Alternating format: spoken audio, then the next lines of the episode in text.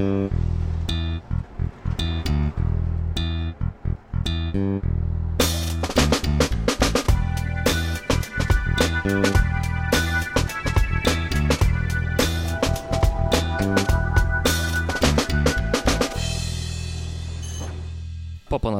roku do węzła przesiadkowego wraca temat elektromobilności, a jak wraca temat elektromobilności, to wraca elektromobilna Agata Rzędowska. Witam cię ponownie serdecznie. Bardzo mi miło, dzień dobry.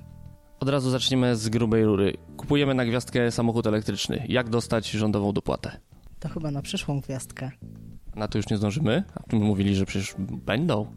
Ach, to już trzy lata słuchamy, że będą. FNT uchwalony, konkursu jeszcze nie ma. Co z tego, że mamy podpisy, jeżeli nie mamy gdzie i jak złożyć tego wniosku? Poza tym, no nie czarujmy się, samochody elektryczne nie stoją na stokach. W każdym salonie samochodowym e, z kluczami z przewieszoną wstążeczką nie czeka na nas dealer i nie mówi, proszę pani, to dla pani na te święta. No ze spalinówką chyba byłoby łatwiej, co? Oj, zdecydowanie, szczególnie teraz, y, bo za chwilę wchodzą podkręcone normy emisji i tych samochodów spalinowych ciut mniej ekologicznych, no to y, bardzo chciano się w ostatnich miesiącach roku pozbyć.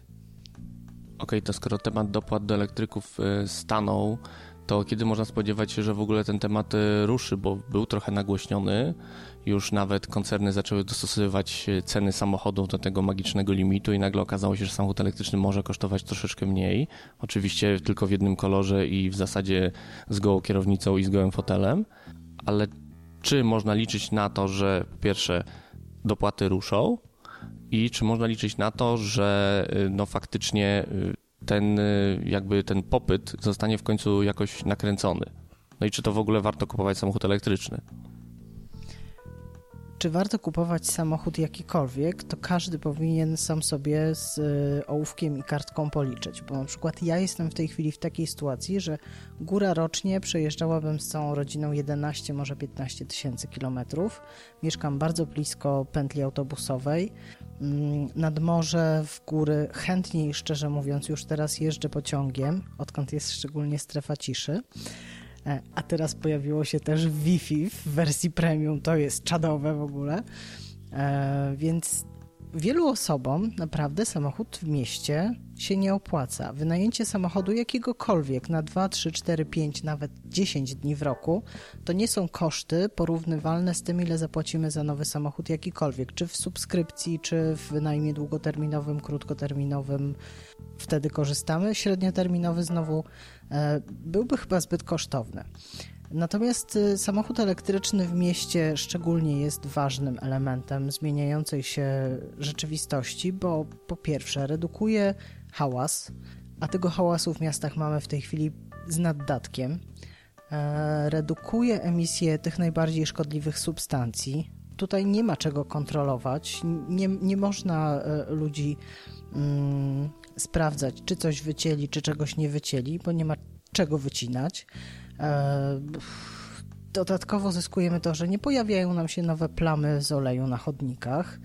Ok, ścierają się opony, ale nie ścierają się klocki hamulcowe, więc e, tych plusów sporo jest. No z dopłat w tej chwili już się chyba nie będzie jak wywinąć. One w końcu będą musiały wystartować, natomiast jest nadal zbyt wiele znaków zapytania, żeby móc powiedzieć tak w przyszłym roku będę jeździć samochodem elektrycznym i kupię go z dopłatą. Bo to się może przeciągnąć w czasie na tyle długo, że się spotkamy znowu za rok i będziemy planować zakupy samochodów elektrycznych. Okej, okay, samochód elektryczny w mieście, ale te zasięgi, o których y, jeszcze jakiś czas temu mówiliśmy, że są no, niewystarczające, no już producenci deklarują, że już ponad 300 km można samochodem wyciągnąć, czyli już jest całkiem przyzwoicie. Na forach elektromobilności ludzie pokazują, jak jechać 90 na godzinę po autostradzie, żeby już z Warszawy do Poznania na przykład dojechać. Czyli już te też robi się jakby środek transportu dalekobieżny, bo pociągi są fajne, tylko że jak spojrzymy na ceny, to już przestają być fajne, kiedy jedzie się w cztery osoby, a jak już ten elektryk wyciągnie nam te 300 km, wsadzimy te cztery osoby na jakimś właśnie y, w miarę przyzwoitym dystansie, z miarę przyzwoitym samochodem, no to już nagle okazuje się, że może zamiast jeździć nim po mieście, to może w końcu elektrykiem można pojechać trochę dalej, tym bardziej, że no też pojawiły się samochody elektryczne już większe, nie tylko czteromiejscowe, ale też siedmiomiejscowe. No więc to jest szalenie ciekawe, co powiedziałeś, bo faktycznie jak się popatrzy na ceny biletów, mm, to może się okazać, że jeżdżenie samochodem elektrycznym na długie dystanse to jest naprawdę opłacalna impreza. E, rzeczywiście zasięgi są coraz lepsze. Ja jestem przeciwnikiem tego, żeby jechać w trybie turbo extra z plusem jeszcze eko po autostradzie, bo po prostu mamy wtedy ograniczoną moc i działamy na swoją niekorzyść, jeśli chodzi o bezpieczeństwo, bo my musimy móc dynamicznie wyprzedzić lub zareagować, jeżeli coś się będzie na drodze działo. Natomiast no, rzeczywiście można nimi dojechać e, coraz dalej.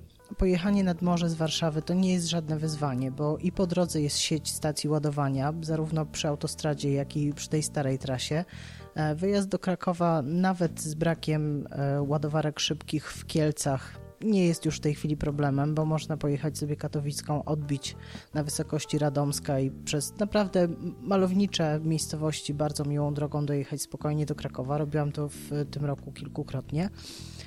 E, no zasięg 380, 360, ponad 400 km e, w samochodach e, elektrycznych to już przestaje być wielkie zaskoczenie. Także no, tylko one w większości jednak się nie łapią do tych e, dopłat. Trzeba o tym pamiętać, że większa bateria więcej kosztuje. E, I trochę nie jest tak, że te skonfigurowane pod dopłaty modele to są takie sama kierownica.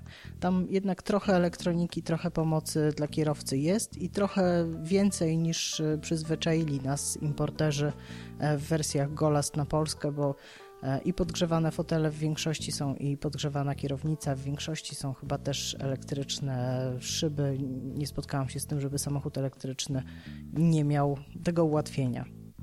A propos właśnie ładowania, to co wspomniałaś o, o ładowarkach yy, i o jakby kluczeniu, właśnie jak jak znaleźć w Polsce ładowarkę? Mamy problem ostatnio ze znakiem dotyczącym ładowarek.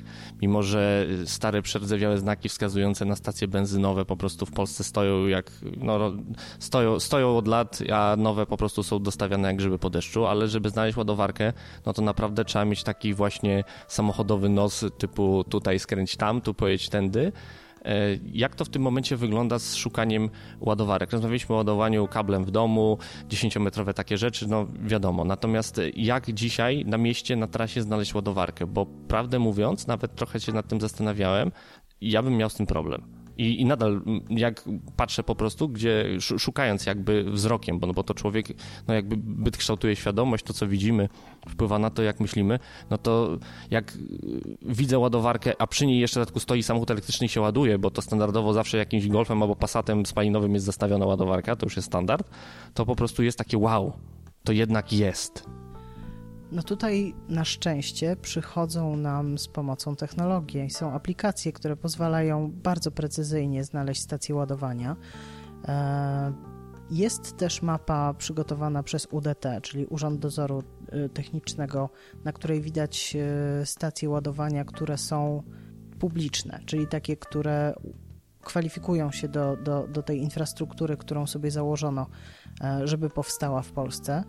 Także to jest dość łatwe. Część użytkowników jest zarejestrowana w tych aplikacjach, więc nawet jeżeli przyjeżdża do ładowania, e, to ma w sobie tyle e, dobrego wychowania, powiedzmy, albo na tyle myśli o innych użytkownikach, żeby się tam kliknąć i pokazać, że akurat to miejsce teraz jest e, zajęte.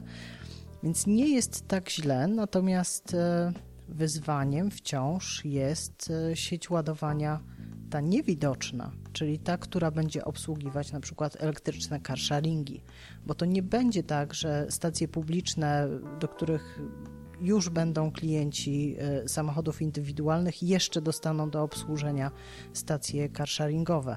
Bardzo dużym wyzwaniem dla miast w Polsce e, będzie tworzenie takich sieci. Ale carsharingi to troszeczkę są teraz w odwrocie, tak? Trafikar, e, dobrze mówię, wycofał się z Warszawy. Słyszałem plotkę, że Panek ma się wycofać z Warszawy. Pa, panek nie sądzę, żeby wycofywał się z Warszawy. Właśnie nam dorzucił trochę spalinowych samochodów. E, dlaczego nie dorzuca elektrycznych? No bo nie ma ich gdzie ładować. Z drugiej strony też słyszałem o tym, że bodajże w Niemczech była sytuacja, że taksówkarze jeździli samochodami elektrycznymi, bo była już infrastruktura, po czym carsharing rzucił ileś tam elektrycznych y, golfów i zablokowali stacje ładowania kompletnie, te publiczne, tymi samochodami z carsharingu i okazało się nagle, że już teraz taksówkarze nie mają się gdzie naładować, więc kupują e, hybrydy osławione. E, to jest przypadek z Berlina. Rzeczywiście tam w tym roku pojawiło się 1500 elektrycznych golfów, które należą bezpośrednio do spółki, która w której e, władaniu jest e, Volkswagen. Volkswagen trochę przemyślał to, co się dzieje w tej chwili na rynku i właśnie inwestuje w systemy, które pozwolą mu produkować samochody do użytku. Niekoniecznie do sprzedaży, ale właśnie do użytku. No tam jakoś to powoli zaczyna się układać. Natomiast y, ja bym chciała wrócić do 2016 roku, kiedy pojawiła się pierwsza malutka e, korporacja taksówkowa mm, czysto elektryczna w Warszawie i oni wtedy mieli duży problem z czym? Ze znalezieniem miejsc do ładowania, ale to nie chodziło o to, że oni e, chcą na gotowe. Oni chcieli zbudować jakąś swoją infrastrukturę, chcieli e, tę flotę rozwijać, no okazało się to niemożliwe. Mamy 2019, który się kończy w zasadzie. Mm, no i Panek mówi, że my bardzo chętnie byśmy rozwijali flotę samochodów elektrycznych na potrzeby miasta, na potrzeby mieszkańców miasta, turystów, kogokolwiek, e, ale my ich nie mamy gdzie ładować. Można liczyć, że ta sytuacja się jakkolwiek w najbliższym czasie zmieni? Że ta jedna, jedyna ładowarka na osiedlu no jakby rozmnoży się magicznie w kilka? Teoretycznie miasta, samorządy są teraz już przyciśnięte trochę do muru i powinny stawiać infrastrukturę do ładowania, infrastrukturę też publiczną. Natomiast wiemy, że tak jak przy mm, planach e, mobilności miejskiej, zintegrowanych planach, e, no były poślizgi, nie wszyscy byli zainteresowani, by to robić. Tak samo przy strategiach rozwoju elektromobilności Opóźnienia będą, o ile w ogóle część z tych dokumentów powstanie, a te dokumenty mogą też powstać po to, żeby udowodnić, że elektromobilność w danym mieście jest zupełnie niepotrzebna. Właśnie, mówili, mówiliśmy o tym, czym jest samochód elektryczny, jak kosztuje, że nie zużywa klocków hamulcowych, co niektórzy twierdzą, że zużywa, e, że zużywa opony, no oczywiście jest samochodem, e, ale właśnie jak to jest z eksploatacją samochodu elektrycznego, bo mam wrażenie, że dużo osób tego nie wie, powtarza mity e, na temat tego, że gdzieś czytałem coś w stylu, że zepsuje się tak jak ten, tak jak spalinowy, trzeba serwisować tak jak spalinowy. Jak to jest naprawdę z eksploatacją samochodu elektrycznego? Bo wydaje mi się, że jest po prostu ogromna niewiedza w tym zakresie i y, warto byłoby chyba parę rzeczy jakby od, od, od, odmglić, tą mgłę niewiedzy zdjąć y, z tego, jak eksploatuje się samochód elektryczny. Ja się tutaj strasznie, e, tego nie widać, ale słychać już teraz, ja się strasznie uśmiecham mocno. E, nie byłam przygotowana na to pytanie, ale mam ze sobą e, listę do przeglądów z Volkswagena, jak wygląda serwisowanie Golfa na konkretnym samochodzie z konkretnym przebiegiem tak naprawdę pierwszy przegląd to jest tylko przejrzenie tego samochodu, tam się nic nie wymienia. E, za chwilę sobie sięgnę do notatek, bo mam też e, spisane, ile to kosztuje. Drugi przegląd jest troszeczkę większy, e, ale tam też poza wymianą płynu hamulcowego niewiele się dzieje. No i zaraz poszukam informacji o kosztach. To są dane z października tego roku. Wrzucę zdjęcie do podcastu tego, jeżeli pozwolisz. Po 15 tysiącach e, kilometrów, jak podał mi to jeden z serwisów mm, Volkswagena, e-Golf, za, za serwis e-Golfa zapłacimy 293 zł. E, to chyba nie jest duży koszt przeglądu w serwisie autoryzowanym. Mm, dodatkowo pytałam już w niejednej sieci. W zasadzie wszystkie sieci, które wprowadzają samochody elektryczne, mają przynajmniej jednego mechanika z przeszkoleniem na wysokie napięcia, więc e, no, kto serwisować te samochody też będzie miał. Mm, nie czarujmy się. E, na części zamienne do nowych modeli samochodów spalinowych tak samo trzeba czekać, więc jeżeli trzeba będzie poczekać na jakąś część do samochodu elektrycznego, to to nie będzie aż takie zaskoczenie dla użytkownika samochodu. Przyznam szczerze, że za ostatni przegląd roweru zapłaciłem podobne pieniądze. Ale a propos właśnie części zamiennych, tu znowu jest kolejny jakiś mit, który się pojawia, jakoby samochody elektryczne obecnie produkowane były szybko się zużywały. Jakby ta technologia była nietrwała. No, z kolei ja może mam sobie doświadczenie w eksploatacji samochodów elektrycznych, natomiast porównując do y, jakby taboru kolejowego, no to generalnie zawsze tabor elektryczny zawsze charakteryzował się większą trwałością i mógł spokojnie przejeździć wiele, wiele lat, podczas kiedy jednak no, tabor spalinowy dość szybko się zużywa i te remonty kapitalne, naprawy główne, czy jak to nazwiemy, no jednak dość szybko się zdarzały i i nie są niczym, niczym dziwnym. Natomiast no też z samochodami elektrycznymi jest tak, że one są czymś nowym i no my jeszcze nie mamy takiej historii wiedzy. Więc y, jak ty oceniasz, jeżeli chodzi o faktycznie trwałość takiego pojazdu elektrycznego, który dzisiaj możemy kupić? E, mogę posiłkować się doświadczeniami znajomych, którzy mają kupione Tesla, używane Tesla. Rzeczywiście w tych samochodach dochodziło do wymiany silników elektrycznych, ale drodzy Państwo, mamy w domach pralki, prawda? Mamy zmywarki. E, co tam się może zepsuć? W zmywarce pompa, e, a w pralce najczęściej do wymiany jest właśnie silnik. Jeżeli wymienimy ten silnik, to urządzenie działa całkiem dobrze kolejne lata i tak samo jest w samochodzie. E, no, odchodzą nam tu wszystkie, absolutnie wszystkie wycieki, problemy z uszczelkami, głowicami. No, pamiętajmy o tym, że jeździmy samochodami spalinowymi. Dlaczego mówimy, że to są samochody spalinowe? Bo tam dochodzi w silniku do wybuchów, spala się paliwo i dzięki temu jedziemy. To się też zużywa, a zużywa się trochę szybciej nawet y, niż byśmy chcieli, bo jest downsizing, czyli produkowanie samochodów y, z mniejszymi silnikami, które nadal muszą spowodować, że y, urządzenie, które waży blisko tonę albo czasem ponad tonę, trzeba wprawić w ruch. No, to są pewne ograniczenia, y, z którymi się borykamy i nikt chyba już w tej chwili e, nawet nie marzy o tym, że samochodem trzycylindrowym z jednolitrowym silnikiem będzie jeździł 15 czy 18 lat. Jakbym dzisiaj kupił tego elektryka, już niezależnie od tych dopłat rządowych nieszczęsnych, już nie kopmy leżącego, e, to ile, ile po lata? Producenci dają w większości, jak przeglądałam oferty, te, które są w tej chwili w Polsce na rynku, 8 lat albo 160 tysięcy kilometrów e, gwarancji na baterię. Ta gwarancja na baterię obejmuje utratę jej pojemności.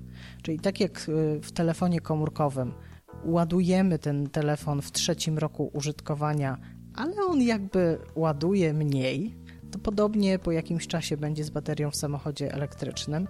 E, tej energii zmieści się tam trochę mniej, natomiast to nie są utraty większe niż 25-30%, więc te zasięgi nadal będą w tych większych samochodach powyżej 200 km. No, to poniekąd zgadza się z doświadczeniami Jaworzna, który już 10 lat eksploatuje pierwsze elektryki i też y, deklaruje, że nie spadło to poniżej 80% pojemności baterii, więc wygląda na to, że jest to prawda, więc możemy kolejny mit odłożyć na bok. Natomiast tu mam trochę mitów przygotowanych, które jeszcze może spróbujemy obalić albo potwierdzić, może to są fakty.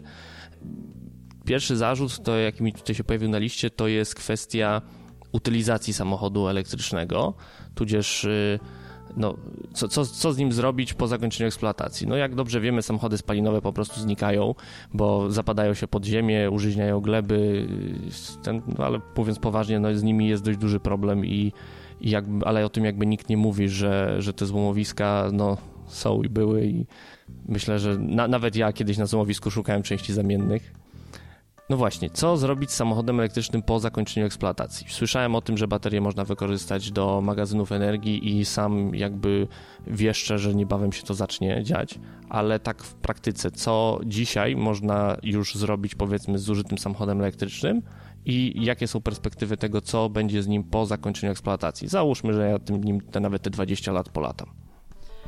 Już dzisiaj te magazyny energii w oparciu o wymontowane akumulatory, te duże akumulatory z samochodów powstają, chociażby stadion e, Ajaxu Amsterdam ma zapasowe całe zasilanie zbudowane na bazie e, baterii, które są wykorzystywane w Leafach i w ENV 200. Podobne rozwiązania na trochę mniejszą skalę są na przykład w Norwegii. Do tego dorzucają jeszcze, uwaga, w Norwegii panele fotowoltaiczne, I, I w ten sposób sobie robią backupowe zasilanie na wypadek wypadku. E, natomiast z samochodami w ogóle w tej chwili jest duży problem z utylizacją, z recyklingiem, bo to są pojazdy, w których są wykorzystywane materiały wielotworzywowe, to się chyba fachowo nazywa.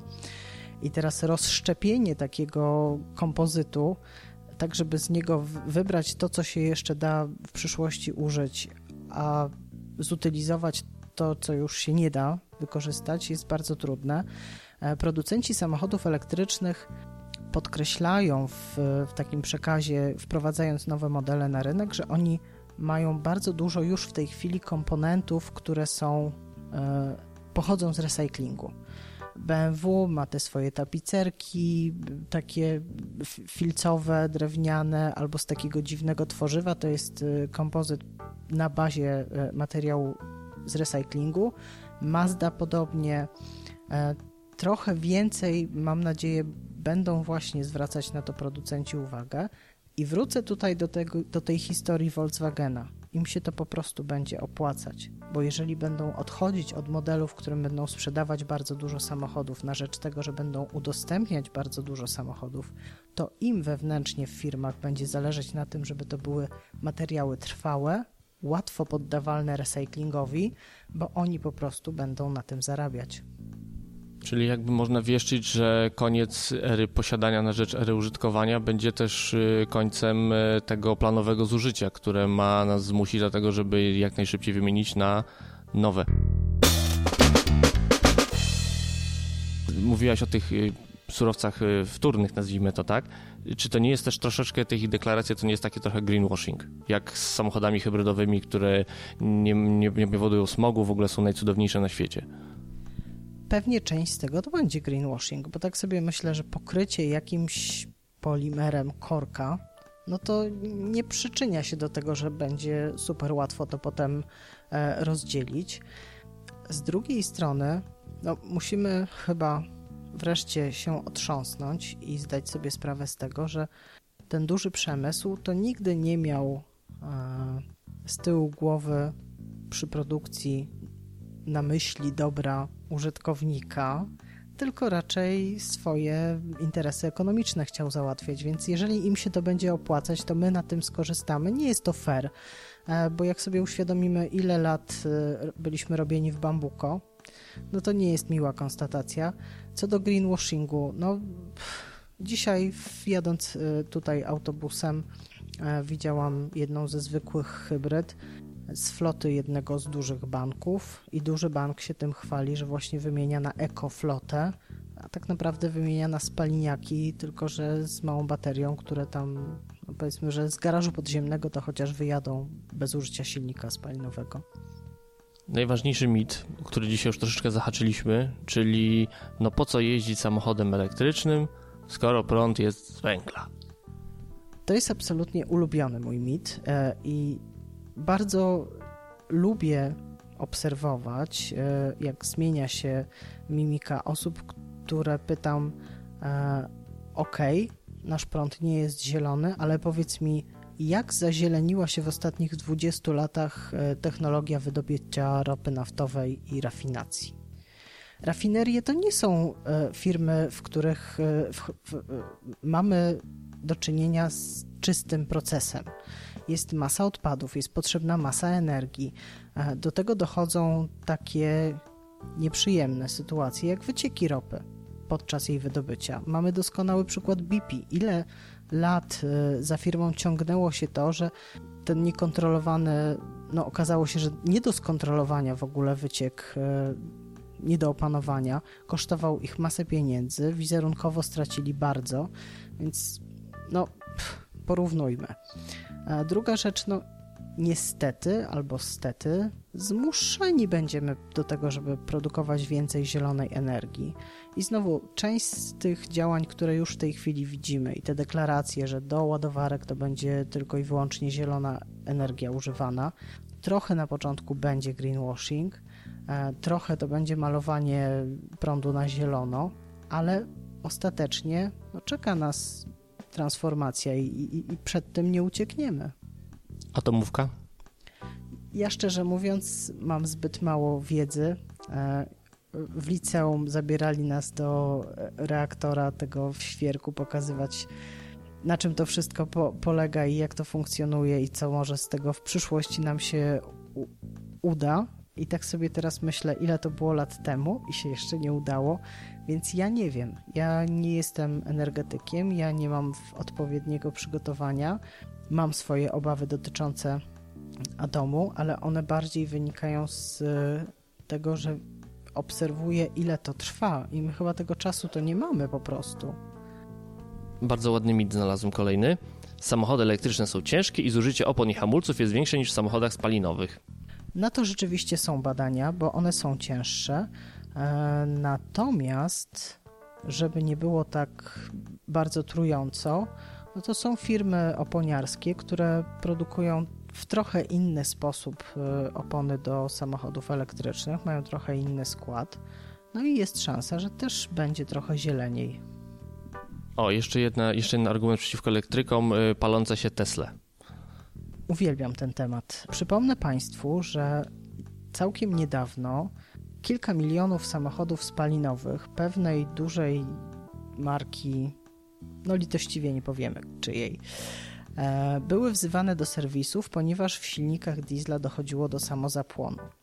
W Polsce były takie przypadki. Do serwisu były wzywane chyba ponad 20 tysięcy egzemplarzy danej marki. Czy były nagrania e, wideo, które pokazywano w głównych e, wydaniach wiadomości z palących się silników spalinowych tych diesla? No, no nie było. Nie było takiego e, przesyłania sobie, że o patrz, się pali. Natomiast no, o Teslach tych filmów jest całkiem sporo. Mm, no, a pamiętamy, jak, dlaczego wprowadzono ograniczenia, żeby wsa nie wsadzać do bagażu podręcznego, do bagażu, do luku e, w samolotach urządzeń z bateriami. Dlaczego wsadzamy je tylko na pokład? Bo całkiem niedawno jeden z producentów elektroniki trochę przedobrzył i baterie w niektórych tabletach i telefonach potrafiły się zapalić eksplozję baterii w telefonach i w laptopach to widziałem. Znaczy nie widziałem na oczy, natomiast widziałem efekty tego, ale no, palące się autobusy na gaz, e, czy jakby diesle, czy chociażby nawet rozbiegany silnik diesla potrafi być naprawdę groźny, ale no właśnie tego nie oglądamy. Autobusy spalone co jakiś czas widać, właśnie gazowe i tym podobne. No też, też jakby ten element się pojawia, no ale mi się wydaje, że też z Teslą jest tak, że, że to jest po prostu bardzo nakręcone medialnie, więc trudno, jeżeli jakby tak Elon Musk, jeżeli jest, jest człowiekiem na pewno medialnym i próbuje ten produkt sprzedać, no to wiadomo, wszystkie oczy są na to zwrócone. Ale no nie wiem, Zoe albo Leaf palił się? Widział ktoś to? No, być może ja nie, ja nie jestem do obrony koncernów samochodowych, bo jestem ostatni, kto będzie obronił koncernów samochodowych, ale trochę mam wrażenie, że, to, że ta Tesla jest na świeczniku i, i jakbyśmy nie mówili o samochodach elektrycznych, zawsze ktoś powie, ale Tesla. Jest takie amerykańskie powiedzenie pain in the ass. I Tesla trochę jest takim właśnie, mm, no zostawimy tutaj pole do popisu y, w dowolnej interpretacji y, i, i tłumaczeniu.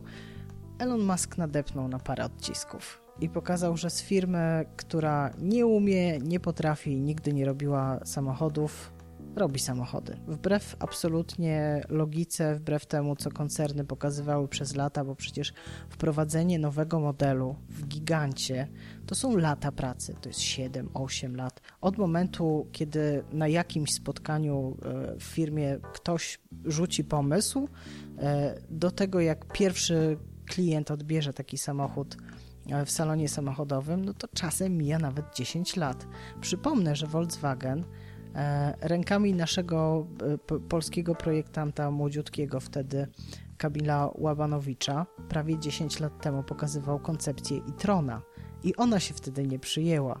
Więc kiedy w, w tym roku, w zeszłym roku e-tron pojawił się y, i można go było pomacać, a w tym roku już go nawet kupić, no, no to zobaczmy, jakie to są, ile to jest lat. A Elon Musk w ciągu tych 10 lat wydał na świat trzy modele samochodów. Powoli kończąc rozmowę już, zbliżając się do końca, zauważyłem też jeszcze taki dość, może nie tyle mit, co taka jakby taki ciężko nazwać argumentem, ale pojawia się w dyskusjach coś takiego, że o, samochody elektryczne to już były ileś tam lat temu. Ostatnio ktoś wynalazł program, y, odcinek programu Sonda, gdzie był y, Fiat na prąd y, z lat 70., no wiadomo, Meleksy jeszcze się pojawiają, wózki akumulatorowe, no przecież z wózka akumulatorowego Wałęsa przemawiał, już dobrze pamiętam, Stoczni Gdańskiej. E, zaświtała mi taka myśl, bo nawet gdzieś w końcu ktoś znalazł, że jeszcze mniej więcej 100 lat temu, przed wojną, były jakieś tam pierwsze pojazdy elektryczne. No wiemy o tym, że były wózki akumulatorowe, na kolei, wagony akumulatorowe na kolei. Taki zabytek stoi na przykład w Skierniewicach. Jeżeli ktoś chce zobaczyć, to może zobaczyć taki, taki zawsze pojawia się tekst, ale to już kiedyś było.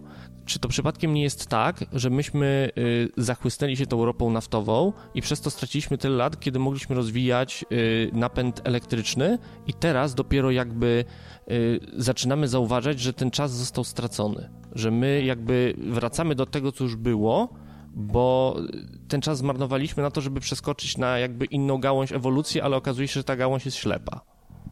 No, w Mezopotamii podobno było Wi-Fi, bo nikt nie wykopał kabli, które gdzieś by się zachowały. Ale tak całkiem poważnie, rzeczywiście e, trochę ropa przyćmiła nam różne możliwości rozwoju technologii, a wspomniany przez Ciebie odcinek Sondy jest super fajny z jednego dość istotnego powodu. Tam wtedy pokazywano samochód wodorowy, o którym mówiono, że to jest taka przyszłość motoryzacji. Jesteśmy 30 lat później. 40 nawet lat, bo to były w latach 70. E, I, i nadal samochody e, wodorowe rozpatrujemy w takich kategoriach, że to jest paliwo przyszłości. Mieliśmy szansę zafunkcjonować na rynku elektrycznych e, pojazdów czymś więcej niż Melex wtedy, kiedy wszyscy inni właśnie downsizingowali i kombinowali e, przy różnych e, zużyciach w samochodach spalinowych, wtedy jakoś nikt się w Polsce tym nie zainteresował. Rzeczywiście, samochód elektryczny nie jest czymś nowym, ale no w tej chwili jest bardziej potrzebny e, niż nam się wydaje, bo koszty ponoszone, koszty środowiskowe ponoszone przy wydobyciu ropy naftowej są zatrważające już w tej chwili. E, to, co sobie fundujemy w miastach, no to jest e, niewyobrażalny problem. Wystarczy pójść do jakiejkolwiek przychodni w Warszawie, żeby zobaczyć, ilu tam jest młodych ludzi, którzy mają problemy z krążeniem. To nie jest tylko siedzący tryb życia i kiepska dieta. Liczba dzieci z alergiami, z astmą, E, o właśnie. pokazałem na siebie. To się wszystko nie bierze znikąd. E, ciągłe przeziębienia, ciągły problem z chrypką w gardle oraz to, co podkreślają lekarze pracujący w szpitalach, dużo większa liczba hospitalizacji, dużo większa liczba problemów z krążeniem u młodych ludzi, którą odnotowują w momentach, kiedy jest największe zanieczyszczenie powietrza w miastach. Akurat Warszawa e, tego zanieczyszczenia z transportu ma naprawdę dużo. No właśnie, bo zazwyczaj jeszcze to jest znowu dygresja, ale y, to, o czym się mówi, to prawda, pyły zawieszone. Czasem ktoś jeszcze coś powie o po tym, że jak się pali węglem jest benzalfapiren, ale ten smog, który na przykład jest w Europie Zachodniej, to są tlenki azotu. I bądź co bądź, mówimy o unosie wtórnym, o klockach hamulcowych, o oponach, no ale jednak samochód elektryczny tlenków azotu nie wypuszcza z siebie. Tak, i tam, gdzie jest produkowana energia, nawet e, z węgla, no to mamy trochę większą kontrolę nad tym, co się z tego komina wydobywa. I te procesy jeszcze podobno można doskonalić, chociaż nie wiem, czy jest sens. To już temat na inny podcast, bardziej energetyczny.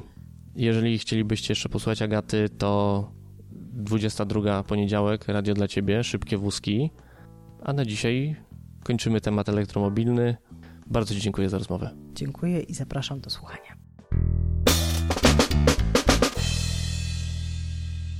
W dzisiejszym odcinku to już wszystko. Tradycyjnie na zakończenie chciałem bardzo podziękować patronom podcastu, a w szczególności Piero, Pawłowi Zegartowskiemu, Pawłowi Szczurowi, Robertowi Błautowi oraz Tomaszowi Tarasiukowi.